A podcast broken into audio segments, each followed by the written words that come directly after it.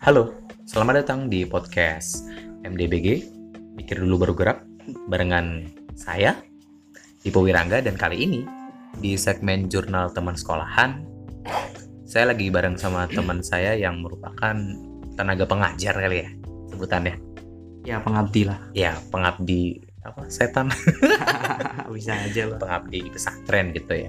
Dan notabene adalah pesantrennya adalah pesantren di mana gue dan dia sekolah dulu ya. Iya. Uh, please welcome Ilham Adiatma. Iya. Oke. Panggilan siapa? Atmo. Atmo. Iya. Ada yang bilang Ilham, ada yang bilang Atmo. Oke, eh, kenalan dulu lah, Mo. Misalnya nama lengkap, lagi si, eh, sekolah di mana atau asalnya mana, orang mana gitu. Ya pertama Assalamualaikum warahmatullahi wabarakatuh. Waalaikumsalam warahmatullahi wabarakatuh. Ah, saya ucapkan alhamdulillah. Beda kalau Ustaz beda. Syukurillah wala haula wala quwata illa billah. Sama Badu. Amma ba'du. Hmm. Ya, itu merupakan eh, suatu apa ya? Kalau di dalam presiden itu Mhm. eh, di istana negara itu kan ada protokolernya. Weh, Nah, itulah yang mantap. kalau misalnya uh, tenaga pengajar khususnya di pesantren itu ada protokolernya. Nggak bisa kita itu langsung uh, menuju pada uh, poin intinya. Hmm. Harus ada protokoler pertama bersyahadat lah, terus kemudian Aduh. Nah, Anjir. itulah. Makanya ketika di khutbah-khutbah kan pasti ada pembukaannya dan itu panjang Oke. sekali. Oke, langsung saja ke inti ya.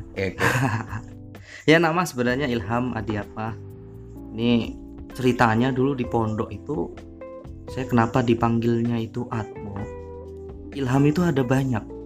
Oh iya, Iya, Ilham kan satu, Ilham dua Ilham gitu kan. satu, Ilham dua, Ya. ada Ilham apa Haikal, ada Ilham Habibi, ada Ilham. Ilham siapa sih yang itu? Yang kayak wormtail tau gak sih? Yang di Harry Potter yang kayak tikus.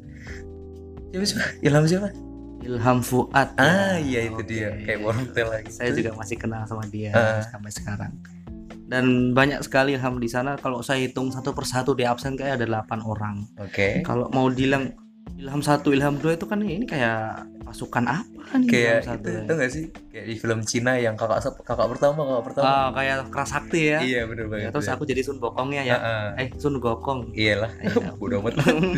apa lah itu ya itu jadinya akhirnya diambil lah dulu tuh ada nama bis bisnya bis Atmo namanya Oh, orang Solo ngerti. orang Solo nih. pasti tahu Udah punah hatmu sekarang udah, ya? udah punah sekarang adanya sekarang apa BST. Damri BST dan lain sebagainya itu makanya kan anak-anak sering keluar komplek ketika Jumat nah itu lihat oh ada Atmo eh. penggalan belakangnya itu kan karena kebetulan Adi Atma itu bilang Atmo Oke. Oke, sebenarnya seperti itu. Terus kemudian kalau dari asalnya, saya asalnya dilahirkan kebetulan juga eh, hidup itu lama di Semarang.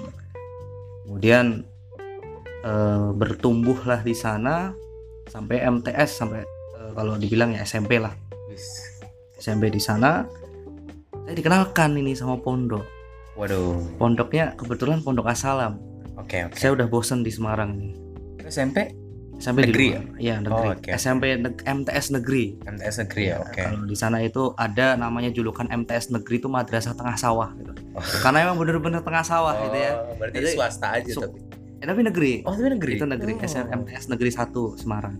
Oke oke. Jadi di sana terus kemudian karena bosen ya saya di Semarang. Kebetulan jadi anak terakhir itu jadi anak yang dikekang. Oh, lu anak terakhir. oke, berapa saudara? Oke, bertiga bersaudara aja. Oke oke. Nggak banyak-banyak. Heeh. Begitu. Tuh, masuklah ke pondok sini, terus kemudian ketemu sama lulu semua ini di sini. Oke, iya sih. Ketemu sama Mas Dipo. Akhir kayak hidup ini seru juga ya kalau misalnya kita lihat perspektif orang lain ya. Iya, makanya. Orang Jawa asli. Asli, Asli Hmm, Jawa. Bapak ibu orang mana? Bapak Ibu sebenarnya kalau Bapak eh, lahirnya di Demak, cuman kalau nenek kakek tuh eh, dari Boyolali lah. Oke. Di sini aja. Kemudian dari Ibu itu dari Semarang, tapi Hmm. aslinya tuh kakek nenek dari Jogja. Jadi Oh. perpaduan antara dua kerajaan nih sebenarnya kalau zaman dulu ya. Benar, kerajaan benar. Solo Demak. sama kerajaan Iya, Jogja. ah, ah. Saya bilang seperti itu karena eh, kebetulan juga eh adalah nilai historis dari eh, kakek nenek. Ternyata tuh saya baru tahu kakek itu keturunan dari eh, ulamanya Pangeran Diponegoro, Kiai Mojo. Oh, mantap kakak. Iya, jadi saya baru tahu itu. Baru tahu itu ketika nenek sudah meninggal. Dia ceritain sama om waktu itu oh ternyata nih silsilahnya seperti ini. Saya malah nggak dikasih tahu sama orang tua sendiri. Itu itu doif atau doif nggak itu? Atau itu kalau dalam ilmu hadis itu belum doif dan juga belum soheh oke oke jadi masih hasan soheh lah. Hasan masih Sohih. iya, masih tengah-tengah. Kita mau percaya juga itu dari perkataan eh, orang yang kita kenal dan orang yang kita percayai. Hmm. kalau mau nggak di, mau dipercaya juga belum ada buktinya. Oh iya sih. Iya kan? Belum ada apa namanya biasanya kan ada silsilah dan sebagainya. Itu saya juga belum pernah lihat seperti itu. Anjir so far dengan pemilihan kata-kata lo dan itu kayak ini wawancara yang paling beda sih menurut gue oh iya. Soalnya ini sangat sangat mencerahkan. Mencerahkan ya? Nggak tahu juga sih. berarti aku di sini sang pencerah ini. Enggak juga, enggak juga, enggak ada halan juga. Ya, oke nih lagi sibuk apa sekarang? kalau sekarang ini lagi sibuk di pertama di kuliah ya pasti Ya. umur umur sekitar ini Dua berapa? Dua berapa? Dua dua, dua tiga. ya? eh, 23 Ya, Alhamdulillah udah 23 6 bulan Oke, jadi bulan sekitar bulan Agustus nanti 24 oke. jadi kurang berapa bulan lagi nih Hmm, Eh, lima bulan ya Iya. sekitar lima bulanan ya nah itu di Sambi juga di eh, pondok yang kebetulan dulu saya tinggal saya Oh, nyantri di sana Oke, di pondok pesantren modern Islam Assalam oke. Nah, itu kalau orang-orang Solo udah pasti kenal Iya, orang bukan Solo pun juga kenal insya Allah. ya. Eh bagus sih. sebenarnya. ya kalau belum kenal ya dilihat di Google aja Iya. Pondok Assalam Solo silahkan dibuka ya itu juga jadi pertama kalau saya di hitam di atas putihnya itu sebagai tenaga pengabdi Hmm, Jadi pengabdian itu eh, sama seperti alumni yang dia itu mendedikasikan dirinya untuk pondoknya setelah lulus hmm, hmm. nah kebetulan juga eh, direkomendasikan juga waktu itu dan disuruh untuk mendaftar bagian HRD kemudian langsung disuruh masuk saya gitu Oh. Ya.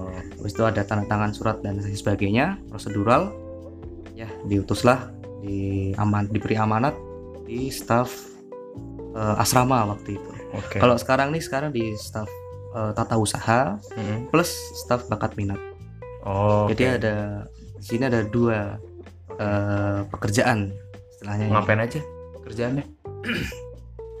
yang staff tata usaha ini sebenarnya nggak ribet-ribet amat ya misalnya ada or, eh, santri yang mau bikin surat ada santri yang mau bikin yang melengkapi administrasi ada mau bikin eh, legalisir ijazah Oh, melalui oke, oke. kesantrian ya Iya. yang di berada di lingkup pesantren ya itu biasanya saya nanganin kalau nggak ingin bikin surat izin Hmm, hmm. jadi dulu lo izin pernah izin kan Hmm. nah itu ada petugasnya lah itu aku sekarang yang Oh, oke, tugasnya. oke. Nah, gitu.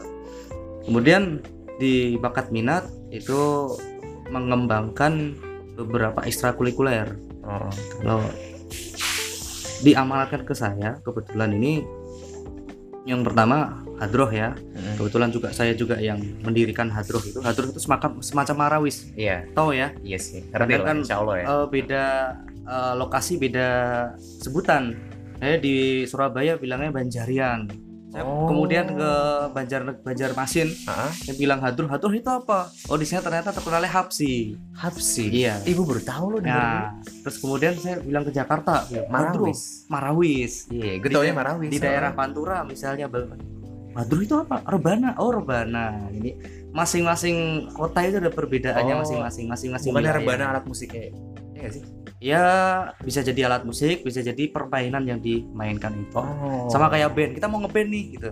Oh. Kan sama aja kan? Eh, seru juga ya. Iya, Hmm. makanya nah itu. Itu yang pertama itu, yang kedua eh, juga bimbing eh, tilawah Hmm. Waduh. kemudian azan, Waduh. kemudian ada juga saya bantu-bantu di fotografi juga Oke. Mm, Di bagian maksudnya untuk apa? ya untuk memantau saja sebenarnya untuk jadi pembimbing lah caranya kalau di sini Hmm. jadi kayak semacam apa ya sebenarnya kalau pelatihnya ada Hmm. cuman dalam urusan administrasi pondok kan pasti juga perlu ya Iya, nah oke. aku lah yang Berarti eh, ibarat lo uh, pintu keluarnya untuk mereka ngelakuin ah, sesuatu ya. ngelakuin sesuatu mau mereka mau ke mana ada acara apa ada event apa Ah. nanti eh, kita saya sendiri yang eh, ngurusin lah sambil bantu juga Ustadz ada Ustadz juga satu ini Mm-mm. yang juga ngurusin eh, fotografi juga namanya Ustadz Oke. Nanang Zainuddin masih kenal kan Masih lah. masih masih kenal Eh, gini kan. Mungkin pendengar gue ini ada yang sealumni sama kita gitu. Bun, hmm? Eh, mungkin ini pertanyaan yang mungkin ada di pikiran mereka juga. Apa yang beda dengan sekolah gue yang dulu? Hmm, Bisa lu ceritain nggak? Misalnya ini berbeda sekarang, itu berbeda sekarang. oke jadi eh kadang kita bilang wah sekolah gue sekarang beda sekolah Lebih gue enak lebih sekarang bagus atau lebih apa? Iya sih. sekarang kan biasanya seperti itu kalau itu wajar aja dan itu harus lah Eh, istilahnya ini izinkan aku untuk membi- memetik dari sebuah Al-Quran ya Boleh, boleh. Eh, sumpah, ini subjektif banget sih, Subjektif. bebas-bebas. Oke. jadi kan fastabiqul khairat ya Mm-mm. kita berlomba-lomba dalam kebaikan otomatis kalau kita cuman gitu-gitu aja Mm-mm. kalau kita stagnan tidak ada perubahan itu mau jadi apa pondok kita? Oh, bahkan bisa jadi kalau misalnya pondok kita gitu-gitu terus bisa jadi kita mau legalisir ijazah bingung. Maksudnya pondok itu bubar gitu loh. Oh iya, gue. ya jadi gitu. Maksudnya kalau sekarang itu pondok yang dulu kalian-kalian itu nyantri di sana itu ada perubahan itu harus Oke, itu harus ah perubahannya yang pertama yang paling nonjol ya. uh, nonjol Nah. itu dari perubahan SPP lah Anjing lucu banget. Iya, perubahan SPP itu pasti karena dolar sekarang naik ya Iya. eh tapi emang kita emang ngedolar apa kita? ya enggak lah itu dalam perhitungan eh, yang pertama eh, peningkatan mutu kualitas dari tenaga pasti Oke, oke. jadi tenaga tenaga guru yang dulunya itu gajinya cuma sekian sekian sekian dinaikkan mm, mm, mm. Nah, kemudian dari segi fasilitas fasilitas dulu kita punya lab cuma satu sekarang bisa lab 4 sampai 5 Oh iya sih. ya dulu kan kita sampai gantian ya Iya. hari iya. ini eh, jadwalnya PI jadi kita nggak nge-lab padahal itu pelajaran komputer terus kita di kelas teori itu Oke, kan oke. Iya, eh, gimana ya agak kurang ya. agak kurang kurang PI itu reverse to putri ya. oh ya Eh. ya saya jelaskan PI itu eh, sebutan untuk eh, apa ya namanya ya Santriwati. iya iya, sa- santriwati Iya. iya.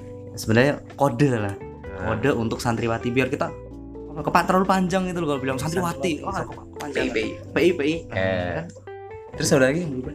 yang berubah kemudian eh dari segi kalau saya bilang akhlak ya Oke. saya bilang akhlak itu santri-santri zaman sekarang zimnya dengan guru itu lebih bagus saya lebih keren kalau saya bilang daripada kita dulu waktu nyantri Wow.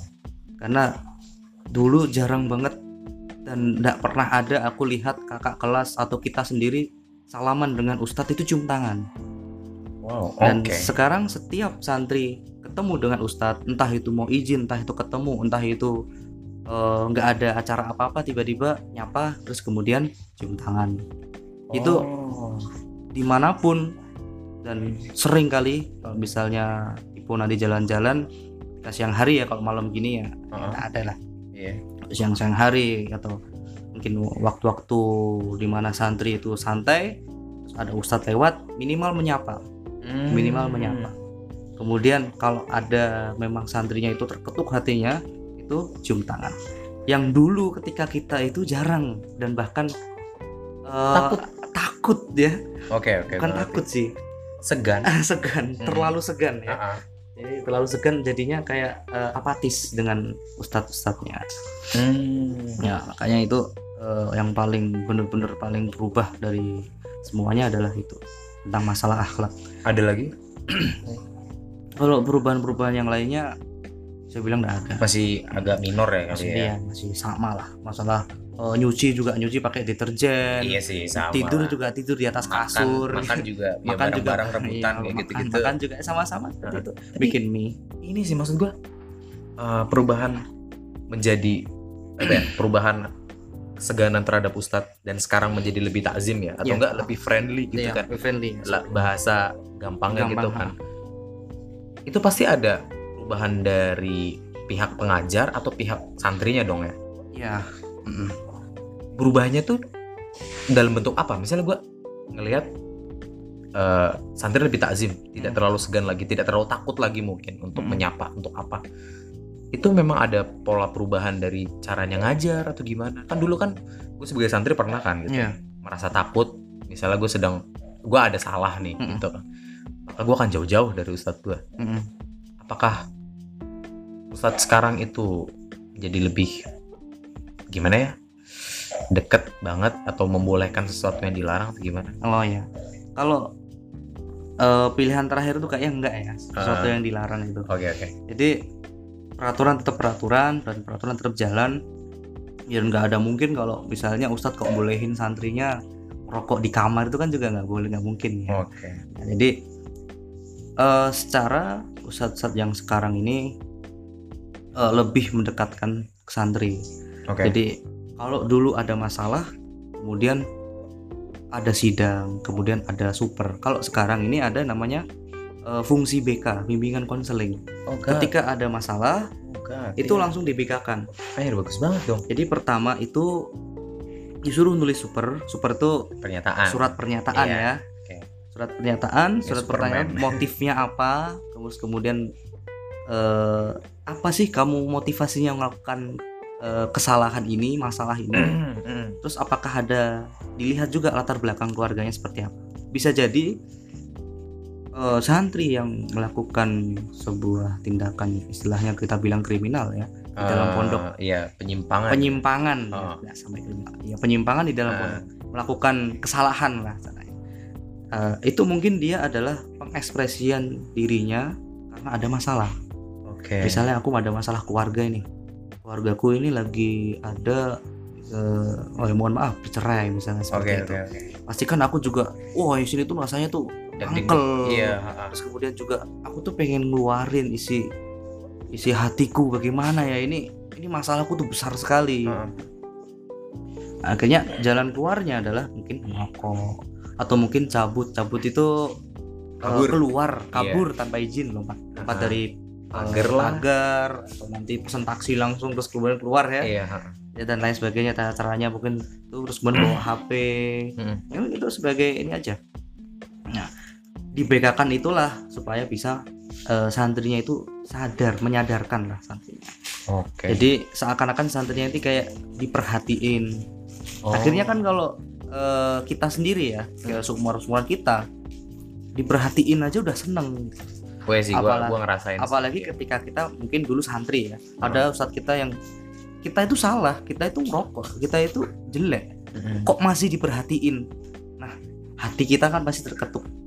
Hmm. Nah, ini ustadznya keren nih ustadznya Iya. bagus nih. Sekarang pendekatannya beda ya? Iya pendekannya beda. Oh. Jadi jadi eh, hukuman yang represif itu udah dikurang-kurangin. Misalnya kayak bener-bener digaplok di tempat kan ada tuh yang kayak gitu dulu misalnya. Iya, ah. atau misalnya langsung dibotak di tempat gitu banyak gak sih? Eh, masih. Oh. Kita mau botak aja harus eh, perizinan dari kepala kesantrian. Oke. Minimal kasubag asrama. Kasubag itu kepala subbagian asrama. Hmm. jadi sekarang asrama itu jadi satu. Nanti ada fungsionalnya fungsional iya ya, fungsional ada- ada per perwali- rayon-rayonnya. rayon-rayonnya itu ada semuanya jadi sih. minimal itu kasubag ya terlebih kepala kesantrian yang mengizinkan untuk dibotak. Oh Kalau- Nah, seperti itu tidak boleh. Tidak sesuai oke prosedur. oke. Pelanggaran-pelanggaran apa bisa yang dilakuin sekarang? Pelanggaran-pelanggaran ya. Terakhir itu ini pembulian. Pembulian perundungan ya. Iya pembulian. Secara fisik atau mental? Secara fisik. Secara fisik. Ini lagu lama ya kayaknya ya Kalau enggak ini lagu ya? baru. Oh, lagu baru bahkan lagu baru. Karena yang dibully itu kelas 5 eh? Yang membuli itu kelas 4 kok bisa? Nah, ini kan? Senior bukannya segalanya Ma- kalau di masalahnya kalau seniornya itu bikin mangkel Heeh. otomatis kelas 4 juga inilah ya eh, bergerak. Oke. Dan senioritas yang sekarang kita alam yang sekarang ini dialami santri Mm-mm. itu nggak sekuat kita dulu. Oke. Jadi emang bener-bener dari tahun 2015 ketika saya masuk pertama kali ngabdi itu penekanan senioritas itu bener-bener ditekan. Oke. Orang yang nyuruh-nyuruh orang yang eh, apa namanya ya malak-malak. nyuruh-nyuruh iya, malak-malak nyuruh malak. Terus apa aja yang berkaitan dengan senioritas Heeh. itu langsung dibunuh. Ayo dibunuh. Di di, di, di apa ya? Di hukum secara represif sekali. Iya. Heeh. hukum secara biar gimana caranya ini nggak diulang lagi. Oke oke. Bahkan sampai ada diskorsing oke oke. Iya. jadi nggak cuma dibotak ya skorsing Hmm. berarti enak dong skorsing kita pulang terus libur. Oh enggak skorsing itu minimal minimal ketika nanti eh, naikkan ke rapat tahunan kenaikan Iya, ya kayak gitu gitu ya. tahun kenaikan itu benar diperhitungkan.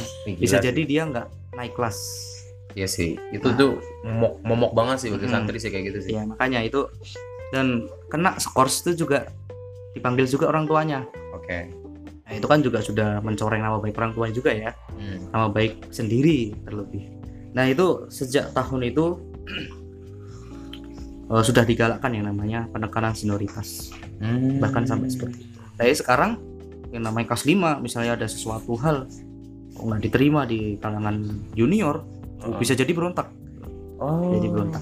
Cuman ya kebetulan eh, dari unsur umur itu sama oke kan biasa ya ada ada kasus terus masuk sini iya Eh, bagi orang yang dulu pernah mondok ya mesti tahu Iya. lah ya Ya.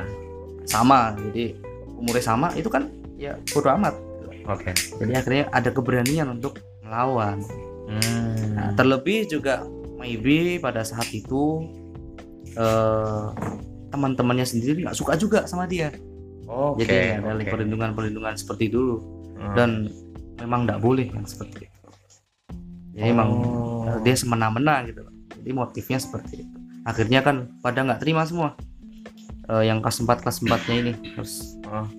ya udah dikeroyok gitu Wah, dan yang ngeroyok Hah? itu ya dihukum Hmm. walaupun dia junior meskipun hukumannya juga nggak terlalu hukumannya kolektif Iya, gitu ya. jadi kita mandang juga lah dia ini pinter di kelas. Nggak bisa kita samakan dengan orang yang nggak pinter di kelas misalnya gitu. Hmm. ada dia punya prestasi masa kita samakan juga dengan orang yang punya prestasi? Ini Hmm. kalau di akhirat ngomongannya kayak ini ya syafaat ya. Anjir lah. Tapi tapi gini sih yang gue pikir. Apa ya Eh, pelanggaran-pelanggaran yang dilakukan oleh orang-orang di dalam sini itu sebenarnya manusiawi sih kalau kata gue mah maksudnya yang tadi orang berantem karena nggak terima itu di dunia luar tuh memang seperti itu Iya. kalau nggak terima berantem Hmm. gitu kan tanpa ada interupsi dari pihak berwenang seperti kan Hmm, iya pesantren itu seperti pemerintah gitu kan Iya. kalau untuk kita kan kita rakyat Hmm. biasa gitu sebagai santri hmm, apa ya yang gue yang gue pikirkan tadi apa ini mungkin pendeka- pendekatan secara mental udah bagus banget sih sekarang untuk pesantren ya Iya. tapi apa itu nggak membuat apa ya eh, ada kecenderungan untuk melakukan pelanggaran lain santri gitu oh ya yang pertama apalagi misalnya gini eh, ada tipe-tipe orang yang kalau misalnya dia bebal ya bebal aja Hmm. apalagi tahu peraturannya sekarang tidak sekeras dulu misalnya Hmm. dia akan bebal Iya. apakah ada kasus seperti itu Eh, sebenarnya saya jelaskan dulu yang pertama tadi Oh. yang manusiawi tadi. Yaitu manusiawi. Tapi manusiawi seperti apa? Mm-mm. kita ini sekarang hidup di zaman yang eh, beradab yang modern. Mm-mm. bukan hidup di zaman masa lalu yang jahiliyah. Yang hidupnya itu seperti preman. Mm-mm. hidupnya seperti dirimba siapa yang kalah? Eh siapa yang kuat? Dialah yang menang. Heeh. kan nggak seperti itu. Dan istilahnya kalau dari visinya pondok sendiri menyelaraskan eh, intelektual kemus- kemudian Spiritual dan spiritual moral. dan Iya. moral itu kan harus bersatu kita udah punya intelektual sudah punya Iya. ada sekolah ada spiritual kita sudah punya kesantrian dan lain sebagainya ada juga program KTK Heeh. kuliatul tafidul Quran yang ada juga yang 30 juz Mm-mm. moralnya ini yang kita belum nah makanya sekarang kita galakkan moral jangan sampai santri ini ketika hidup di luar karena sudah terbiasa dengan premanisme pondok Oh. kemudian di luar tuh diamalkan dia ketika di luar atau atau ada pembalasan ketika di dalam. Oke. Jangan sampai seperti itu. Nah makanya eh, pondok ini mengajarkan anak-anak supaya budaya premanisme adalah salah. Oke oke. Sekarang ini budaya budaya intelektualisme. Hmm. siapa yang pintar, siapa yang dia itu cerdas, siapa yang dia itu uh, berguna buat masyarakat, dialah yang akan menang. Oke. nah, itu itu yang yang pertama tadi. Karena eh, bahasa manusiawi itu kayaknya ini ya subjektif banget ya. Eh, mungkin di daerah pasar sini itu eh, oh itu udah biasa. Tapi di daerah pasar sana oh itu nggak biasa. Kan ada yang seperti itu ya. Iya benar. jadi ada budaya beda-beda. Nah kita selaraskan budaya itu. Hmm. sesuai dengan eh, kultural dari Nusantara yang sebagaimana adab diperhatikan banget Oke. ya. Terus kemudian eh, untuk eh, mencegah orang eh, mencegah santri itu mengulang hal eh, tersebut kembali. Yang pertama pasti eh, ultimatum itu pasti ada. Mungkin misalnya kamu kok mengulangi kejadian ini sekali lagi bisa jadi dikeluarkan bla bla bla atau lain sebagainya. Hmm. sesuai dengan kadar atau sesuai dengan dia itu bermasalah seperti apa. Itu pasti ada. Yang kedua yang kedua kita gali dia itu bisa apa Ini Ah. yang gua pikir-pikir ya. Nah, Oke. kita gali dia tuh bisa Oh. apa jangan sampai dia cuma jadi sampah aja di sini istilahnya Oke. saya saya buka ya dua juta di sini SPP sekarang Iya sih. dia cuma jadi sampah aja di sini itu ngapain dia daftarin ke sini susah-susah apalagi dia dari Papua lah dia Dari dari, luar Sulawesi daerah, dari, iya sih, dari luar Jawa sih. Oh. khususnya itu ngapain dia ke sini terus lulus juga lulus lulus doang mendingan dia di sekolah yang lain lebih enak lebih gampang lebih nah, itu kan ya ru apa nggak rugi seperti Oke. itu. oke. makanya eh, ketika dia sudah punya eh, bakat kayaknya kan saya kebetulan saya juga di bakat minat ya, dan Hmm, mengerti hmm, tentang hmm. seperti itu bakatnya seperti apa dan dia berminat seperti apa kita kembangkan Oke. kalau dia misalnya eh, minggu depan rencana lomba hari ini kok dia itu melanggar batal Wow. Oke. jadi kan kayak gitu dia aduh Kenapa ya? kenapa ya Iya. Nah. Gara-gara itu doang. Gara-gara itu ngerti, doang. gua ngerti. jadi ke depannya biar dia itu jadi pelajaran ya udahlah aku Tahan diri. bentar lagi aku mau Ah. lomba ya daripada aku tuh nanti lombanya batal gara-gara aku rokok lah gara-gara aku bawa HP lah gara-gara aku cabut ya udahlah mendingan nanti dulu misalnya gitu ya pending dulu Oke. jadi walaupun masalah eh, ekspektasi kita itu dia tuh berubah minimal minimal dia bisa mempendingkan dulu apa yang akan dia eh, kerjakan yang secara negatif tadi Oke.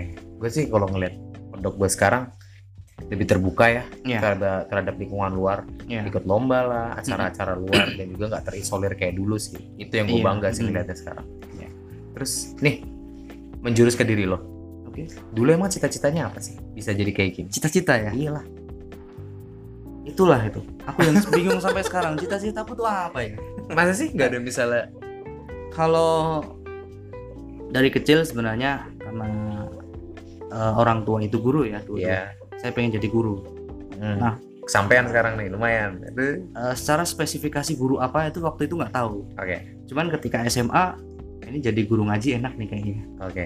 Eh, kalau saya lebih ke ya dibilang bukannya sosokan orientasi akhirat dulu lah Oke. kalau misalnya jadi guru ngaji minimal kita ngajarin orang baca al-fatihah ya Mm-mm. itu dibaca terus Hmm. sampai sampai dia mati ya caranya Oke. selama dia masih Islam dan dia masih sholat ya dia sholat kan pasti baca al-fatihah dia ngomong. Nah, itu minimal al-fatihah aja nah terlebih kalau kita bisa ngajarin bahasa Arab kita bisa ngajarin nanti ulumul Quran ulumul hadis dan lain sebagainya masalah-masalah tentang agama itu kan lebih banget lebih Mm-mm. banyak banget masalah-masalah pahala dan pahala itu nggak cuma dikasih di nanti di surga aja misalnya kita dapat pahala terus kita masuk surga enggak di dunia kita sudah dikasih sedikit Iya. Jadi kita ada pahala ya Iya. dapat pahala, Feedback positif iya, misalnya gitu ya. ada kayak bunganya dulu lah ini Ya. ada sedikit nih dari Allah nanti eh, sisanya di akhirat Hmm. nah, jadi ada kayak iming-imingnya lah Iya. kalau kita bilang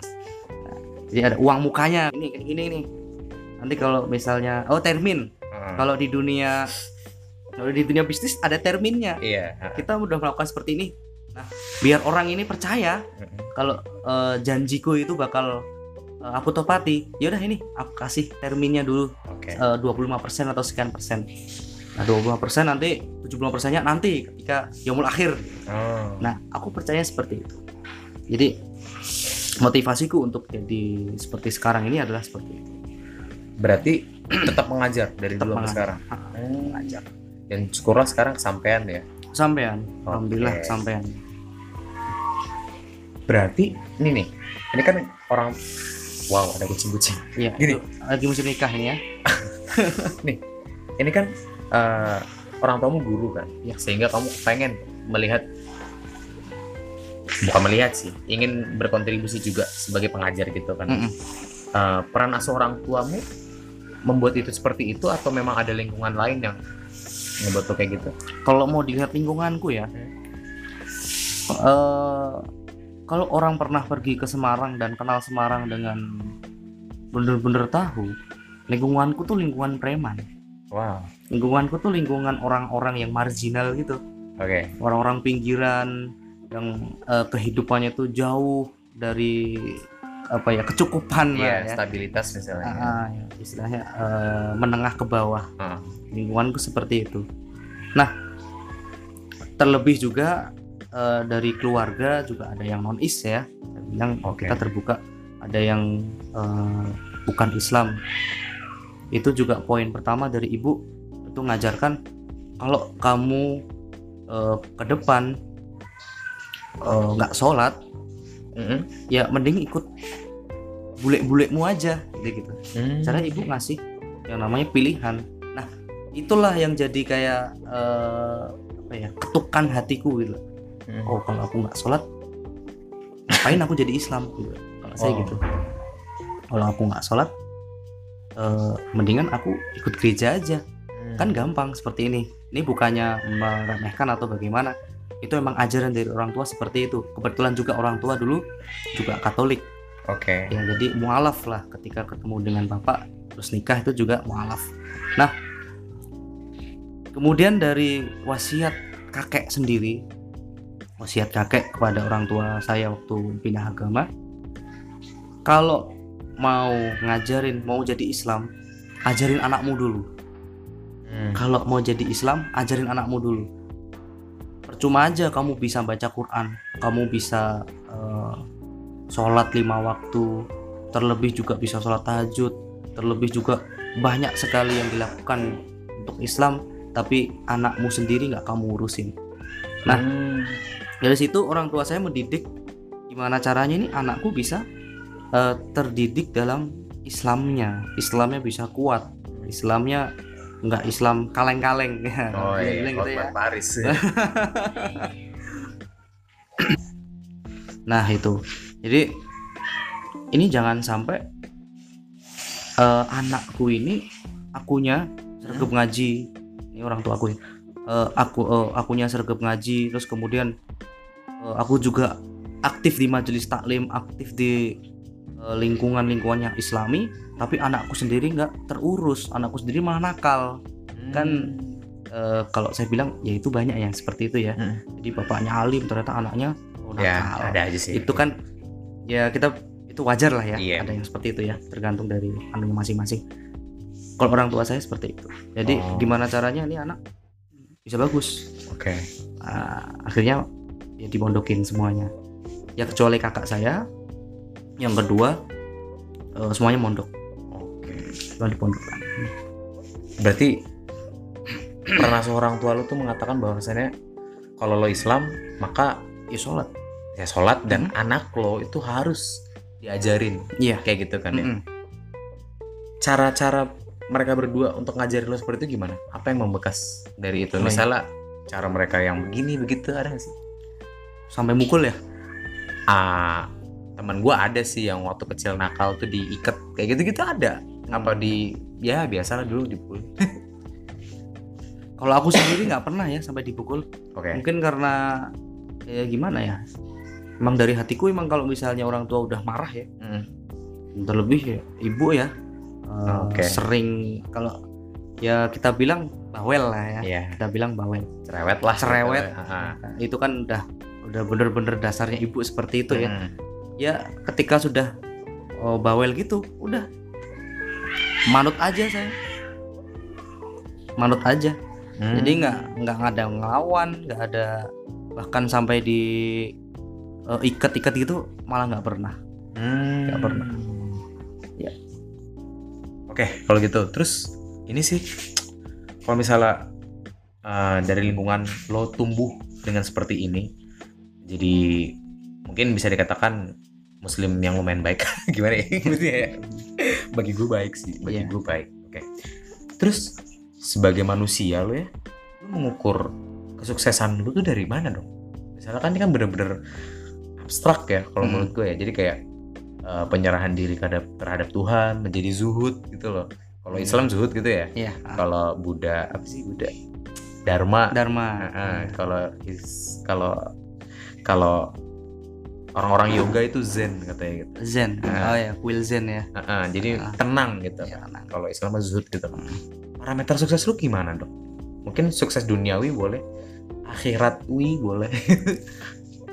Sukses itu Heeh. kalau aku bilang eh apa yang aku ajarkan ke murid muridku jadi lebih baik itu udah sukses kok Hmm. kalau masalah duniawi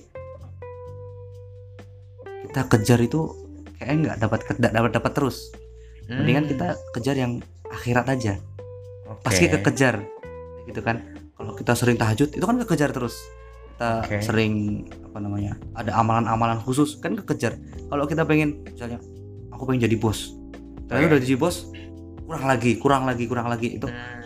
dan gak bakal selesai sampai nanti eh, sampai kamu mati itu Hmm. Nah, mendingan kalau aku investasinya investasi di akhirat Oke.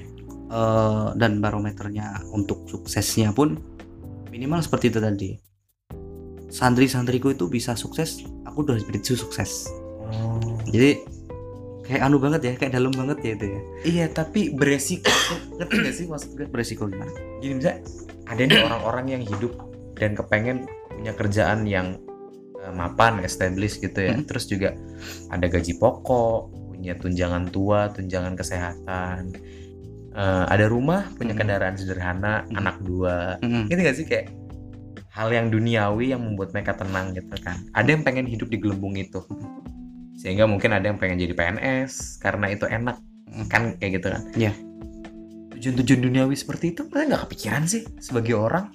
nah kebetulan di Asalam tuh ada seperti itu apa yang kamu katakan tadi ada semua tunjangan hari tua gaji pokok fee intensif plus kalau aku menjabat misalnya nanti ke depannya eh, mungkin jadi kepala itu ada fee-nya masing-masing Oh. jadi misalnya gaji pokok udah 2 juta misalnya Heeh. 2 juta sekarang di Solo satu satu enam ya satu enam sih. heeh. Eh, gaji pokok untuk eh, S1 itu kan satu enam Hmm. terus kemudian eh, belum tunjangan Hmm. untuk misalnya nanti kepala kepala kalau saya pernah denger itu hampir 2 juta juga itu sudah masuk 4 juta lah Oh, sudah oke. masuk tiga setengah. Terus kemudian eh, ada lagi intensif intensif kepanitiaan. Ada kepanitiaan ini ada panitiaan ujian ada dan lain sebagainya. Itu juga ada. Per masing-masing minimal minimal yang kita dapat 50.000 ribu lah. Minimal Hmm, minimal kita dapat maksimal maksimal saya pernah dapat satu juta. Wow. Oke. ya itu sudah sudah itu sudah eh, banting tulang banget lah. Hmm.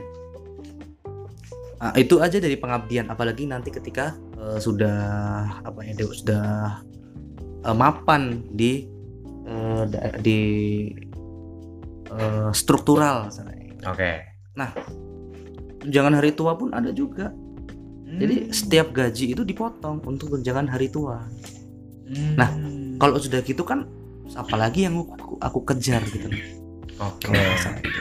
nah belum istri misal ya istri aku kalau aku bilang eh, aku cari istri yang di luar aja lah.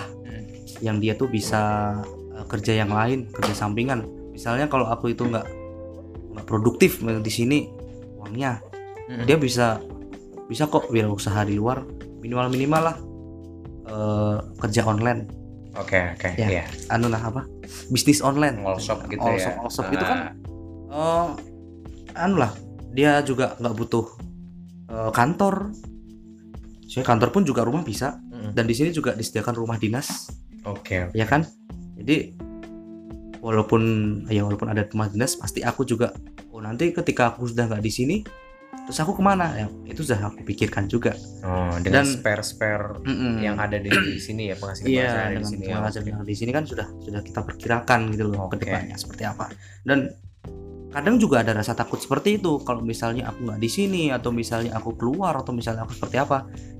kalau aku gini aja sih simpelnya kita kalau mau bikin robot kita kalau punya uh, mobil punya TV itu kan nggak mungkin lah kita biarin mobilnya itu nggak jalan selama tiga tahun itu selama minimal Iya. minimal dua tahun dua dua hari itu udah kita panasin kok Iya. ya kan nah itu juga eh, Tuhan tuh nyiptain kita itu juga diurusin kita ini Hmm. cuman dengan eh, jalan dari dari Allah tuh tadi Oke. kalau memang misalnya eh, perintahnya dia dia lakuin terus kemudian sunah-sunahnya dilakuin terus kemudian ada lagi amalan-amalan yang khusus yang istilahnya bisa mendatangkan rezeki lah bisa mendapatkan keselamatan terus kesehatan dan lain sebagainya Eh, yang dulu ketika di santri juga kita lakuin ya Oke. Eh, bukan mustahil kan kalau tiba-tiba Allah ngasih rumah Hmm. tiba-tiba Allah ngasih kita jabatan kita Oke. Allah ngasih apalah itu eh, kalau bahasa Arabnya min haitsu la yaktasib. Itu bahasa Al-Qur'annya. Jadi ada rezeki yang tidak disangka-sangka. Min haitsu la yasta. La- layas layastasib layahtasib Oke, oke. jadi oke. jadi ada rezeki yang tidak disangka-sangka. Kalau kita di dunia kerja ya saya bos. Hmm. bos kita ini lihat kita rajin. Lihat kita istilahnya dia orangnya apa adanya. Dia nggak neko-neko. Dia nggak pernah ada sesuatu hal yang bikin masalah perusahaan nggak mungkin kalau bosnya itu nggak ngasih eh, sebuah penghargaan ke dia Hmm. pasti bosnya itu ngasih penghargaan nah itulah yang eh, aku caranya aku tanamkan selama ini nggak mungkin lah Allah tuh udah eh, nggak ngasih apa-apa ke aku pasti aku juga bakal diurusin juga kok Oke. Tapi gitu gue antara skeptis sih Hmm. mendengar eh, opini eh, barusan ya. Kayak misalnya tidak tidak semua oh, ti- gimana ya? Oke lah. eh, cita-citamu atau rencana atau passionmu tuh di bermanfaat untuk sekitar Iya. seperti untuk murid lo, untuk Iya. santri lo misalnya kayak gitu kan. Tapi bagi orang yang punya idealis lain dan juga kepengen hidupnya manfaatnya tuh apa ya dia ingin aktualisasi diri dulu Hmm. Lu aktualisasinya kalau menurut gue tuh tempatnya udah tepat zonanya udah tepat arenanya udah tepat gitu loh lu pengen bermanfaat untuk eh, nusa bangsa agama gitu kan Iya. dan lu bisa bermanfaat bermanfaat untuk santri-santri sekitar lo gitu kan Hmm. tapi bagi orang-orang yang benar-benar tersesat dan rencananya mereka atau passionnya mereka tuh jauh Mm-mm. dari hal-hal seperti ini sehingga jujur gue tuh orang yang jauh Iya. jauh dalam artian eh, kekuatan-kekuatan holistik atau kekuatan-kekuatan metafisik gitu ya. Iya, ketuhanan. Nah, ketuhanan kayak gitu tuh tidak bisa gue raih kecuali gue melakukan sesuatu. Kayak gitu.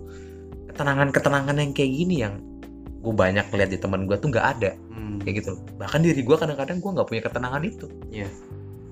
bisa dapet ketenangan ini tuh gimana? Iya gak sih? Ya kalau gitu manusiawi banget. Aku juga kadang-kadang juga nggak tenang kalau nggak ada duit jangan Iyalah. jangan kira aku misalnya udah kayak gini ya terus nggak ada duit tuh aku tenang santai nanti bakal enggak aku tetap aja jadi aku juga tetap melakukan ikhtiar aku juga Hmm. tetap melakukan passionku sebagai manusia layaknya biasanya Hmm. aku juga mempertahankan harga diriku dan nama baikku juga dan Hmm. aku juga misalnya kalau ada tugas terus misalnya ada tugas dan di sana ada misalnya pengajian atau simpanan Quran dan lain sebagainya aku lebih mengutamakan kewajibanku. Hmm. jadi nggak nggak serta merta misalnya eh, aku lebih memilih ke sana timbang aku harus mencari duit. Enggak nggak seperti itu. Oke oke jadi Baik. aku mencari duit pun itu juga ibadah. Itu ibadah. Ah, ah. dan gak cuman ibadah mahdah aja Nah, ya. Iya nggak cuma ibadah mah madah mahdoh ya. Iya mahdah tuh pokoknya yang sangat vertikal lah ya iya. gitu ya.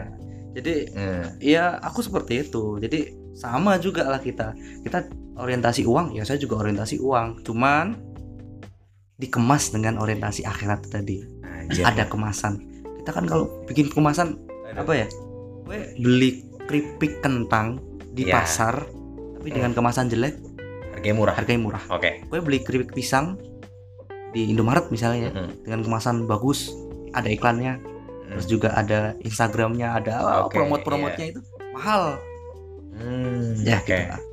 jadi eh, aku pengen diriku tuh mahal gitu Oke. Oke. Wah gila sih. Kayak besok gue sangat beriman. Gak tahu juga. Oke, gue baru ngeliat ketenangan ini dari lu sih. Hmm. Kayak gitu loh. Sebagai orang yang kadang-kadang masih naik turun ya. Iya. Eh, Yazidu Wayangkus, iman ya. Gitu, Iya. kan. ah. Ada sedikit dapat ketenangan gue di sini. Oh. gitu. Oke. Terus kalau misal lo dari cara ngomong lo barusan ya, seberapa besar sih agama tuh berperan dalam lo mengambil keputusan apa pun, mau kerja, mau tentang memilih pasangan, mau tentang apa, Hmm. mau tentang memandang lingkungan masyarakat apa, seberapa besar itu? Hampir semua, Hampir semua. hampir semua. Kamu melakukan hal bukan kamu melakukan sih. Eh, apakah kamu akan memandang itu menjadi hitam putih karena tertulis seperti itu Hmm. di kitabnya atau enggak? Eh, semua yang tertulis di kitab itu pasti ada penjelasannya. Oke. Dan aku nggak cuman letterlek baca kitab aja. Hmm. Aku juga perlu dengarkan dari ulama-ulama. interpretnya gimana ya? Iya, aku juga perlu juga baca tafsir-tafsirannya bagaimana. Mm-mm. Jadi kadang orang itu ada kesalahan karena dia cuman baca mungkin ya Tekstual. terjemahnya, terjemahnya tekstual itu tadi. Padahal masih banyak penjelasan-penjelasan yang lain Secara kontekstual secara juga ya. kontekstual. Bahkan secara makna tersirat pun juga ada bisa dilakukan. Oh. Makanya eh, dalam pandangan agama itu eh, kalau saya melihat atau memperhitungkan Mm. dari tindak tanduk dari apa itu pasti membawa agama. Terlebih saya juga ngaca aku ini eh, Oke. tanda kutip seorang ustadz. Oke. Kalau tidak memandang dari pandangan agama, terus nanti santriku gimana? Aku harus ngajarin santriku bagaimana? Masa aku ngajarin seperti ini, aku sendiri nggak berbuat seperti itu? Itu apakah bukan dikatakan munafik kalau udah seperti itu? Iya sih, tapi banyak persoalan yang benar-benar sulit loh sebagai kita sebagai manusia itu sulit loh mengambil keputusan atau mengambil sikap atas hal itu. Iya. Misalnya untuk urusan inilah, misalnya eh, riba gitu atau ya kan namanya juga sistem ekonomi kapitalis. Iya. Gitu kan Paham. kita sulit juga kayak Iya, gitu. Atau juga tentang orientasi seksual. Iya. Bagaimana cara kita menyikapinya. Mm. Terus juga apa sih hal-hal yang sensitif lagi hmm, Ya masalah bergaul. ya bergaul dan Hmm. toleransi dan apa segala macam Ah. lu bisa memosisikan lu sebagai orang yang apa sebutannya tengah atau gimana ya, sebutannya ya Kalau saya tengah, Yang umatan baik. wasaton. wasaton ya, Ya, enak jadi tengah. oke jadi tengah aja. untuk hal seperti ini misalnya katakan LGBT Mm. cara lo menjadi orang yang tengah itu gimana gue kadang-kadang juga bingung gue gini gue kadang-kadang berpikir egois bahwasannya Iya. itu urusanmu ya udah tapi kalau misalnya aku ngomong gitu di depan orang tua aku kayak itu salah jangan seperti itu Ah, ya itu ya kadang-kadang kita tuh bingung kayak gitu kalau aku sendiri masalah eh, LGBT memang nggak bisa jadi orang tengah kalau itu, oke karena itu sudah masalah apa ya namanya ya. Udah banyak orang yang denger cerita-cerita tentang LGBT masa lalu. Oh, ya. Apa sih dampaknya? ya Iya kan? sih, iya sih ada juga di dalam Quran, ada juga dalam Injil, ada juga di dalam kisah-kisah klasik iya yang sekiranya pernah kita temukan di sana. Dan Hmm, mungkin kalau mungkin sekarang ya kita belum tahu eh, dampak daripada LGBT. Tapi seenggak-enggaknya kita tahan. Jangan sampai apa yang diterima kalau kita bilang azab, kita bilang peringatan eh, dari Tuhan dari eh, apa yang mereka mereka lakukan dan apa yang mereka terima Hmm.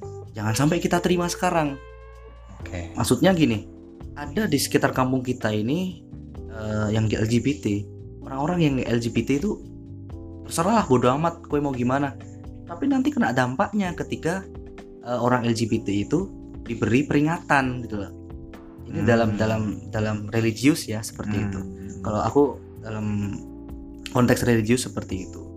Eh, pendapatku seperti itu. Jadi jangan sampai kita mendiamkan orang-orang yang eh, istilahnya menyimpang Hmm. dari rasa kemanusiaan. Itu bukan manusia banget kok. Itu bukan manusiawi. Saya bilang itu bukan manusia kenapa? Nggak ada loh hewan kambing eh, bersetubuh sama kambing jantan. Oh, tapi itu lebih nggak manusiawi banget kok. tapi gini sih manusia itu lebih kompleks ya. Iya. ada rasa empiris atau enggak pengalaman mungkin apa sih namanya ada trauma masa lalu atau lingkungan atau apa. Kan itu kan juga bisa memicu gitu loh dan kita tuh secara akal juga berbeda dengan hewan gitu menurut gua kan iya. Eh, sehingga ada orang-orang yang mungkin menyimpang karena satu trauma atau apa Hmm. atau apa. Gue sih berpikir bahwasannya gue tuh berpikir ngebiarin karena orang seperti itu nanti juga bakalan hilang juga atau mati juga gitu. Mm-mm. ngerti nggak sih? Iya. mungkin lebih cepat gitu. Mungkin lebih cepat. Kan mungkin. Iya. Nah, kalau bareng-bareng? iya mungkin long last. Ah. mungkin lebih aman mereka mainnya gitu. Mungkin gitu lah. Terus ini sih yang gue pikir. Gue tuh bukan bukan gak nyampe hati sih. Mungkin sudah ada undang-undang atau apa gitu kan mungkin ini hanya hanya ego gue saja tapi gue tuh tidak merasa nggak pantas untuk menghakimi orang Mm. dengan tekstual tertentu yang ada gitu loh dan gue nggak bisa menentukan bahwa ini layak di represi gitu loh gue tuh nggak punya keberanian bukan keberanian juga sih eh, hak untuk memilih itu melakukan tindakan represi atau apa sehingga Iya. gue pada akhirnya cuman bilang ya udah selama lo nggak ngituin orang yang nggak mau sama lo ya udah kayak gitu Mm. Nah, masalahnya yang jadi masalah selama ini ketika di daerah sekitar kampung situ, daerah wilayah-wilayah situ ada terjadi penyimpangan-penyimpangan yang nggak dibolehkan di dalam kitab sendiri, mana pun ya ya, kitab mana pun. Mm. Itu kayaknya sudah sunatullah. Itu kayak udah kehendak Tuhan yang seperti itu. Hmm. Jadi akan menghancurkan atau minimal-minimal akan diberikan musibah atau diberikan bencana penyakit sih sebenarnya penyakit bencana itu menurutku penyakit ya bencananya adalah penyakit itu kan Mm. itu kan penyakitnya sudah bencana banget kan Mm. misalnya dari sekitar situ itu terjangkit semua virus HIV dan kamu sebenarnya nggak nggak ini nggak nggak nggak melakukan suatu hal seperti itu kok tiba-tiba kena Hmm. itu minimal minimal seperti itulah. Eh, pemikiran seperti itu. Oh, yo jangan sampai lah kamu itu oh, melakukan seperti itulah. Hmm. apa sih masalahmu? Apa sih eh, hal-hal yang dulu membuatmu seperti ini? Ataukah ya mohon maaf misalnya ada dulu ketika kecil seperti ini diginikan atau kalau saya pernah dengar bahkan sampai ada yang dibayar untuk seperti itu Oke. oke. Iya kan ada yang seperti itu kan Eh, walaupun itu nggak nggak semuanya ya Hmm. tapi ada gitu loh jadi dia meraup keuntungan demi seperti itu Jadi, Hmm. eh, karena seperti itu. Jadi yang pertama itu terpaksa, yang kedua juga karena faktor psikologis. Ya kita selesaikan bareng-bareng seperti itu. Oh. Kita selesaikan bareng-bareng. Kita ah, ya. iya. Iya. Jadi eh, selain kita larang, selain kita juga apa namanya eh, mengecam, saya bilang mengecam ya. Iya. Jadi kan karena tidak boleh ya seperti itu. Kita juga harus eh, mendengar keluh kesah mereka. Apa sih yang mereka inginkan? Apa sih tujuan mereka seperti itu? Motivasinya apa sih? Sementara kalau kita itu eh, menikah ya, Hmm. kita bilang menikah dengan pasangan. Tujuan kita kan yang pertama yang dan yang paling utama dan yang paling kita inginkan adalah mencetak generasi yang baru Yang baru dan baik. dan baru yang baik. Iya. Dan itu nggak bisa dilakukan oleh LGBT Hmm. gitu kan ya. Ini jawabannya wasaton banget. Gue suka nih. Jadi kayak Oke, terus Oke, ya jadi ya itulah apa sih motivasinya seperti itu. Hmm. Kalau memang nggak bisa mengeluh, oke dalam hal eh, seksualitas itu tercapai, tergapai. Hmm. Cuman dalam hal nanti regenerasi kita itu nggak ada. Dan eh, menurut silsilah itu terhenti di kita, rugi kita, Oke. rugilah kita ya. Karena kita nggak punya anak. Terus siapa? Misalnya kita kaya ya, Ya. kita berdua sama sama eh, pasangan. pasangan Hmm. kita nggak tahu itu suami apa istri juga sebutnya kita eh, Iya. juga nggak tahu ya misalnya kita kaya partner. Eh, partner tubuh. Iya body partner. Oh body partner. Fuck body. Iya fuck body. Iya, oke. Ah. kita kaya. Kita punya tanah banyak. Kita uang punya punya banyak. Tapi sia-sia. Hmm. berbagi kekasih kita juga nggak ada. Kita cuma punya dua kekasih itu aja. Kita ke anak juga nggak ada. Kita nggak gendong caranya gendong bayi itu gimana? Rasanya kita meluk anak itu gimana rasanya kita melihat anak kita dewasa terus kemudian anaknya itu bisa jadi penyejuk hati kita ketika dia pulang pah aku punya oke iya gitu ya Iya, gue kayaknya ngerti deh maksudnya. Ah, ah. Nanti gue udah bayangin tuh. lah makanya Oke, oke. itu kan ya kenapa kamu harus eh, menyalurkan syahwatmu seperti itu Oh, kayak sia-sia gitu loh mungkin ada yang terlahir alami seperti itu, mungkin ada juga yang faktor lingkungan ya. Dan gue Hmm. seneng sih dengan jawaban lo kayak gini. Bahwasannya lo menolak dengan cara merangkul, itu merangkul. sih, bener banget sih. Iya. Kita, gue bener-bener sih kayak, ih bisa banget lo ya, kayak gini jawabannya. Ini wasaton banget ya, Iya. orang tengah banget. Tapi itu ya sebenarnya kalau misalnya banyak orang yang kayak gini, Hmm. kayak Indonesia tuh bakalan bisa baik-baik adem aja. ya. Adem ya gitu ya. kalau orang semua kayak aku semua terus buat apa polisi untuk nangkap teroris gitu Oh iya juga ya. Gue nggak habis pikir lo main kayak gitu loh. Ah.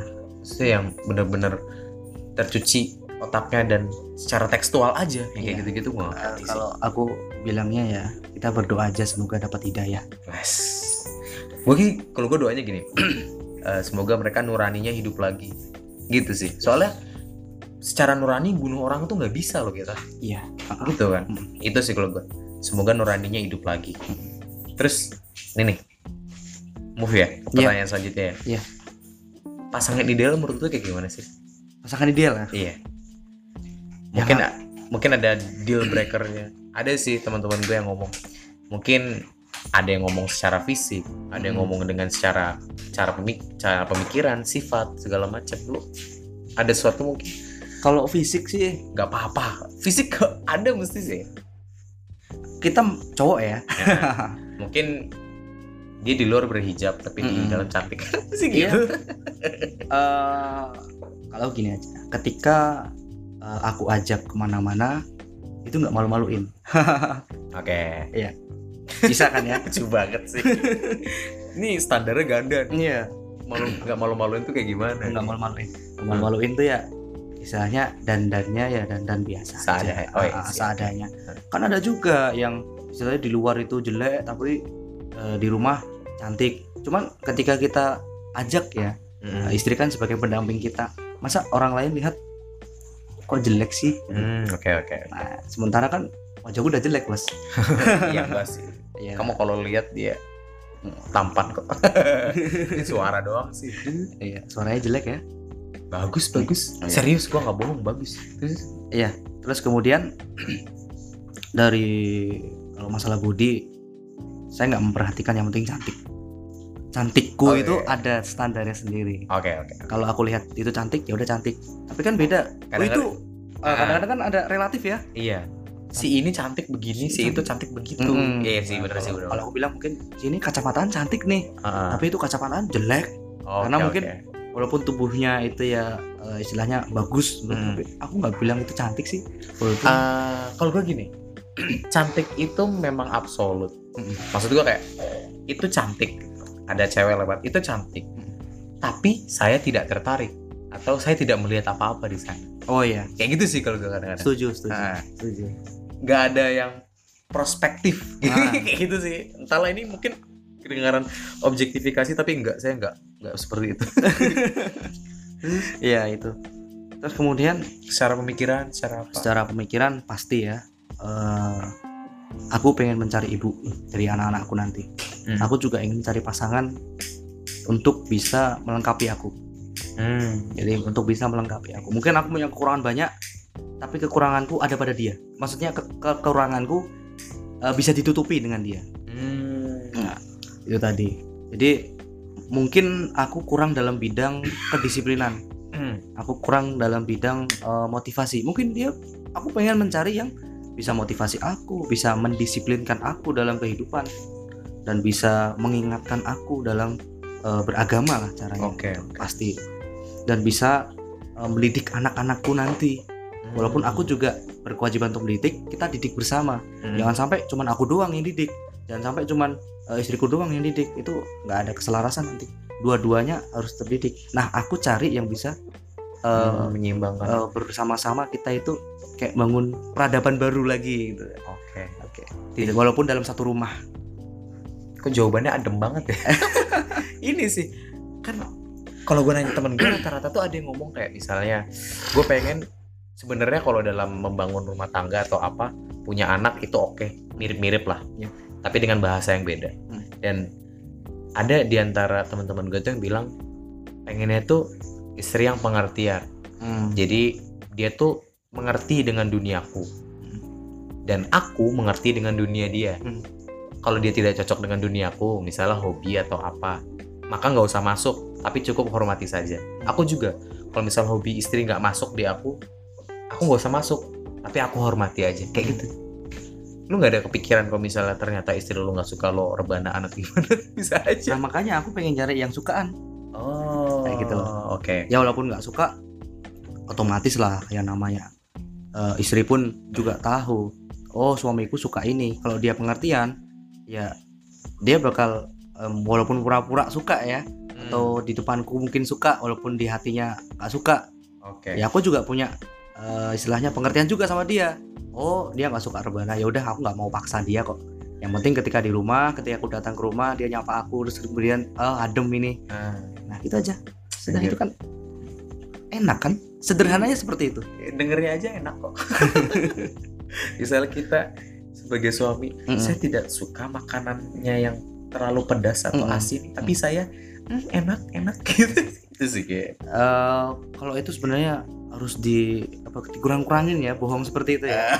Kalau emang sama istri duh dek kok ini eh, kemanisan ya? Atau ini ya. eh, kepedesan Nah, dan kita juga udah tahu lah seleranya pasangan kita ketika pacaran pasti tahu lah. Cewek juga tahu ketika eh kita lagi kenalan sama dia oh dia sukanya eh, pedes tapi pedesnya nggak terlalu pedes. Atau dia Oke. sukanya makanan manis. Kan udah kelihatan ketika kita pacaran. Masa ya mau harus di ketika berhubungan dengan keluarga harus dikasih tahu sih? Iya. Anjir lah kecil banget lah. Terus nih nih nih. Hampir akhir sih nih. Iya. Eh, ini kan sebenarnya jurnal teman sekolah ini kan dibuat karena gue pengen nulis diary bareng teman gitu Iya. tentang teman gue gitu kan jadi misalnya kalau gue kangen atau lo kangen dengan diri lo yang dulu Hmm. pas dengerin pas lo udah naik atau jadi kiai atau jadi apa bisa aja misalnya kan aku aminin nggak ini enak Amin aja. amin ya amin. ya Karena itu baik ya ah. Eh, kangen sama pikiran-pikiran kayak gini Hmm. mungkin gue takutnya lo di bawah jangan-jangan atau Hmm. lo di atas alhamdulillah gitu Iya. Eh, ada hal yang pengen lo ubah di masa lalu? Masa lalu yang sekarang atau masa lalu yang kemarin? Masa lalu yang kemarin. Misalnya kayak simpelnya nih. Iya. Eh, dulu waktu SD yang melorotin selala lo itu lo tonjok aja. Oh nggak nangis tapi lo tonjok. Hmm. cewek yang lo suka lo tembak aja Hmm. kayak gitu. Itu simpelnya ya. Iya. tapi mungkin ada hal-hal yang berat. Kira-kira ada nggak sih kayak gitu? Ya yang jelas ketika dulu hal-hal yang istilahnya memalukan Hmm. mengecewakan terus kemudian juga eh, membuat aku jadi terlihat eh, dalam tanda kutip nakal aku pengen merubahnya dari sekarang. Oke. Pengen merubahnya dari pengabdian ini. Ini adalah batu lompatan aku eh, untuk ke depannya aku bisa jadi sosok yang eh, diharapkan. Hmm. maksudnya diharapkan diharapkan ayah ibu diharapkan keluarga keluarga besar. Terlebih juga diharapkan masyarakat caranya oke masyarakat tuh pengennya apa? Aku jadi seperti apa? Jangan sampai aku oh, pengennya seperti ini cuman masyarakat pengennya lebih baik lagi.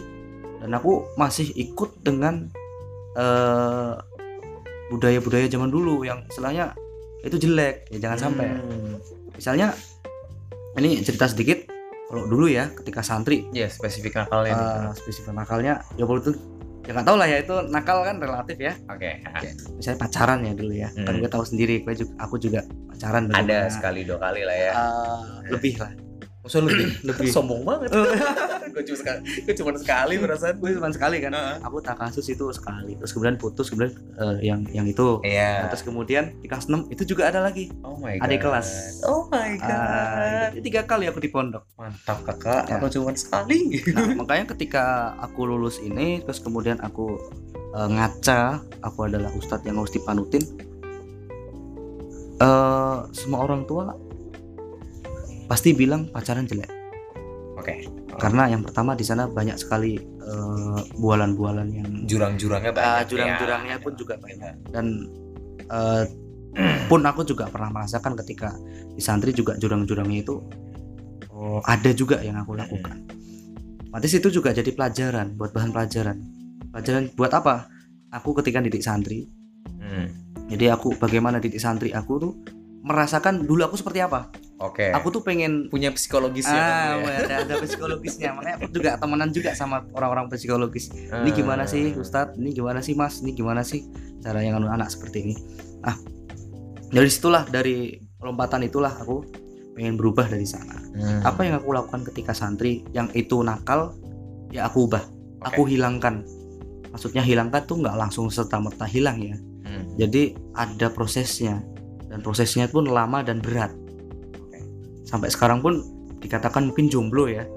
Oke. Ah, boleh boleh. katakan pun jom- jomblo itu nggak serta merta aku jomblo langsung jomblo terus bertahan aku nggak Hmm. itu ada ada apa ya prosesnya mungkin aku juga harus proses eh, putus dengan di Ya, tengah jalan dengan atau baik-baik pun gitu. dengan baik-baik atau dengan buruk-buruk atau dengan celaan-celaan atau bahkan sampai di eh, ditinggal apa, ke alam sana gitu Oh shit, ada ya? iya kan Oh iya iya iya astaga. Nah, iya makanya itu kan inna sebuah apa namanya ya, kayak teguran kalau aku bilang teguran dari Hmm. dari Tuhan dari Allah eh eh, Atmo kamu tuh tak tegur seperti ini nyadar nggak Hmm. sih iki Hmm. nah makanya aku oh jangan jadi teguran dari Allah ini Allah lagi ngomong nih sama aku nih Oke.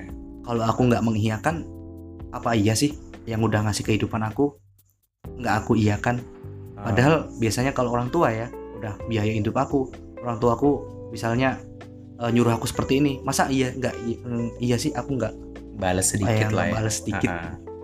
untuk orang tuaku. Hmm. Ya itulah yang aku tanamkan.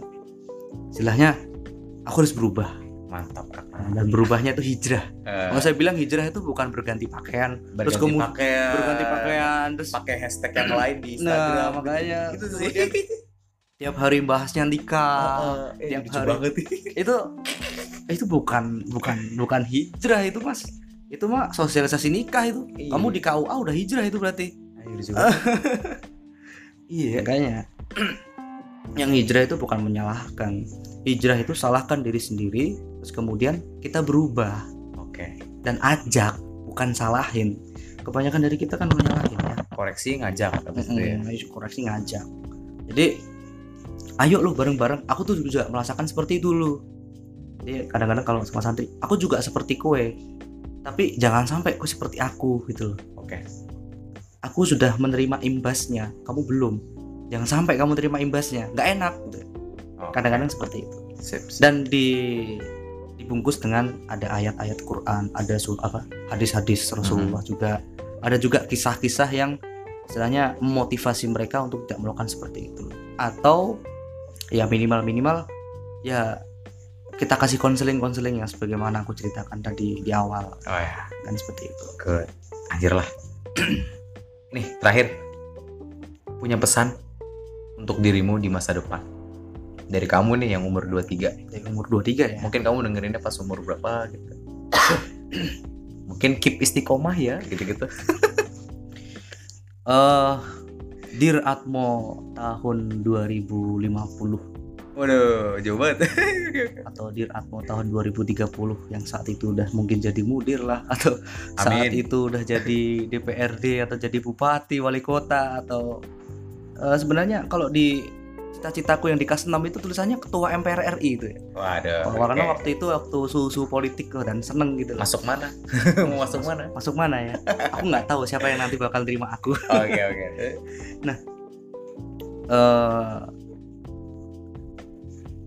pada saat yang kamu terima saat ini adalah jerih payah dari masa lalu dan jerih payah payah masa lalu itu adalah benar-benar kesyukuran yang diberikan Allah.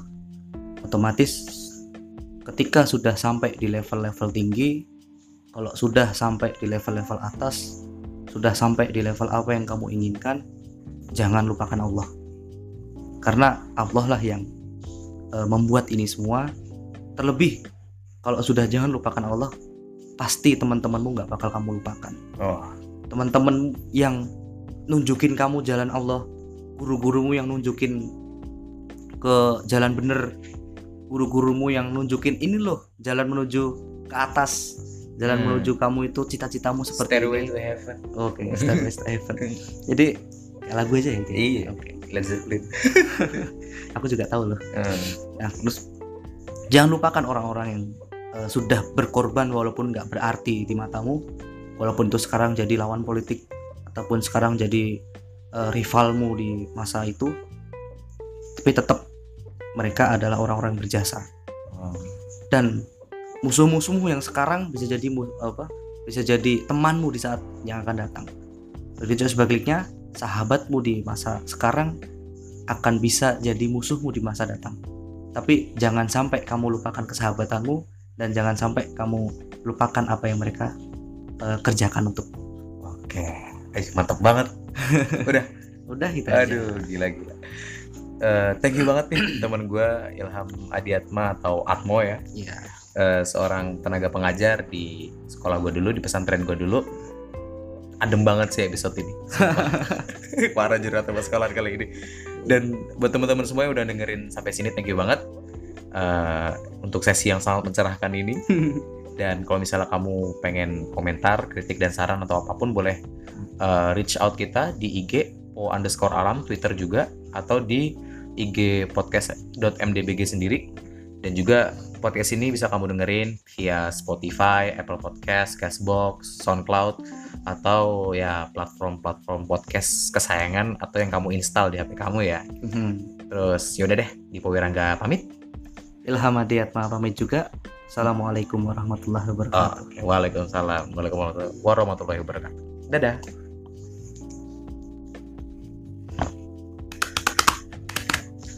Nah lumayan.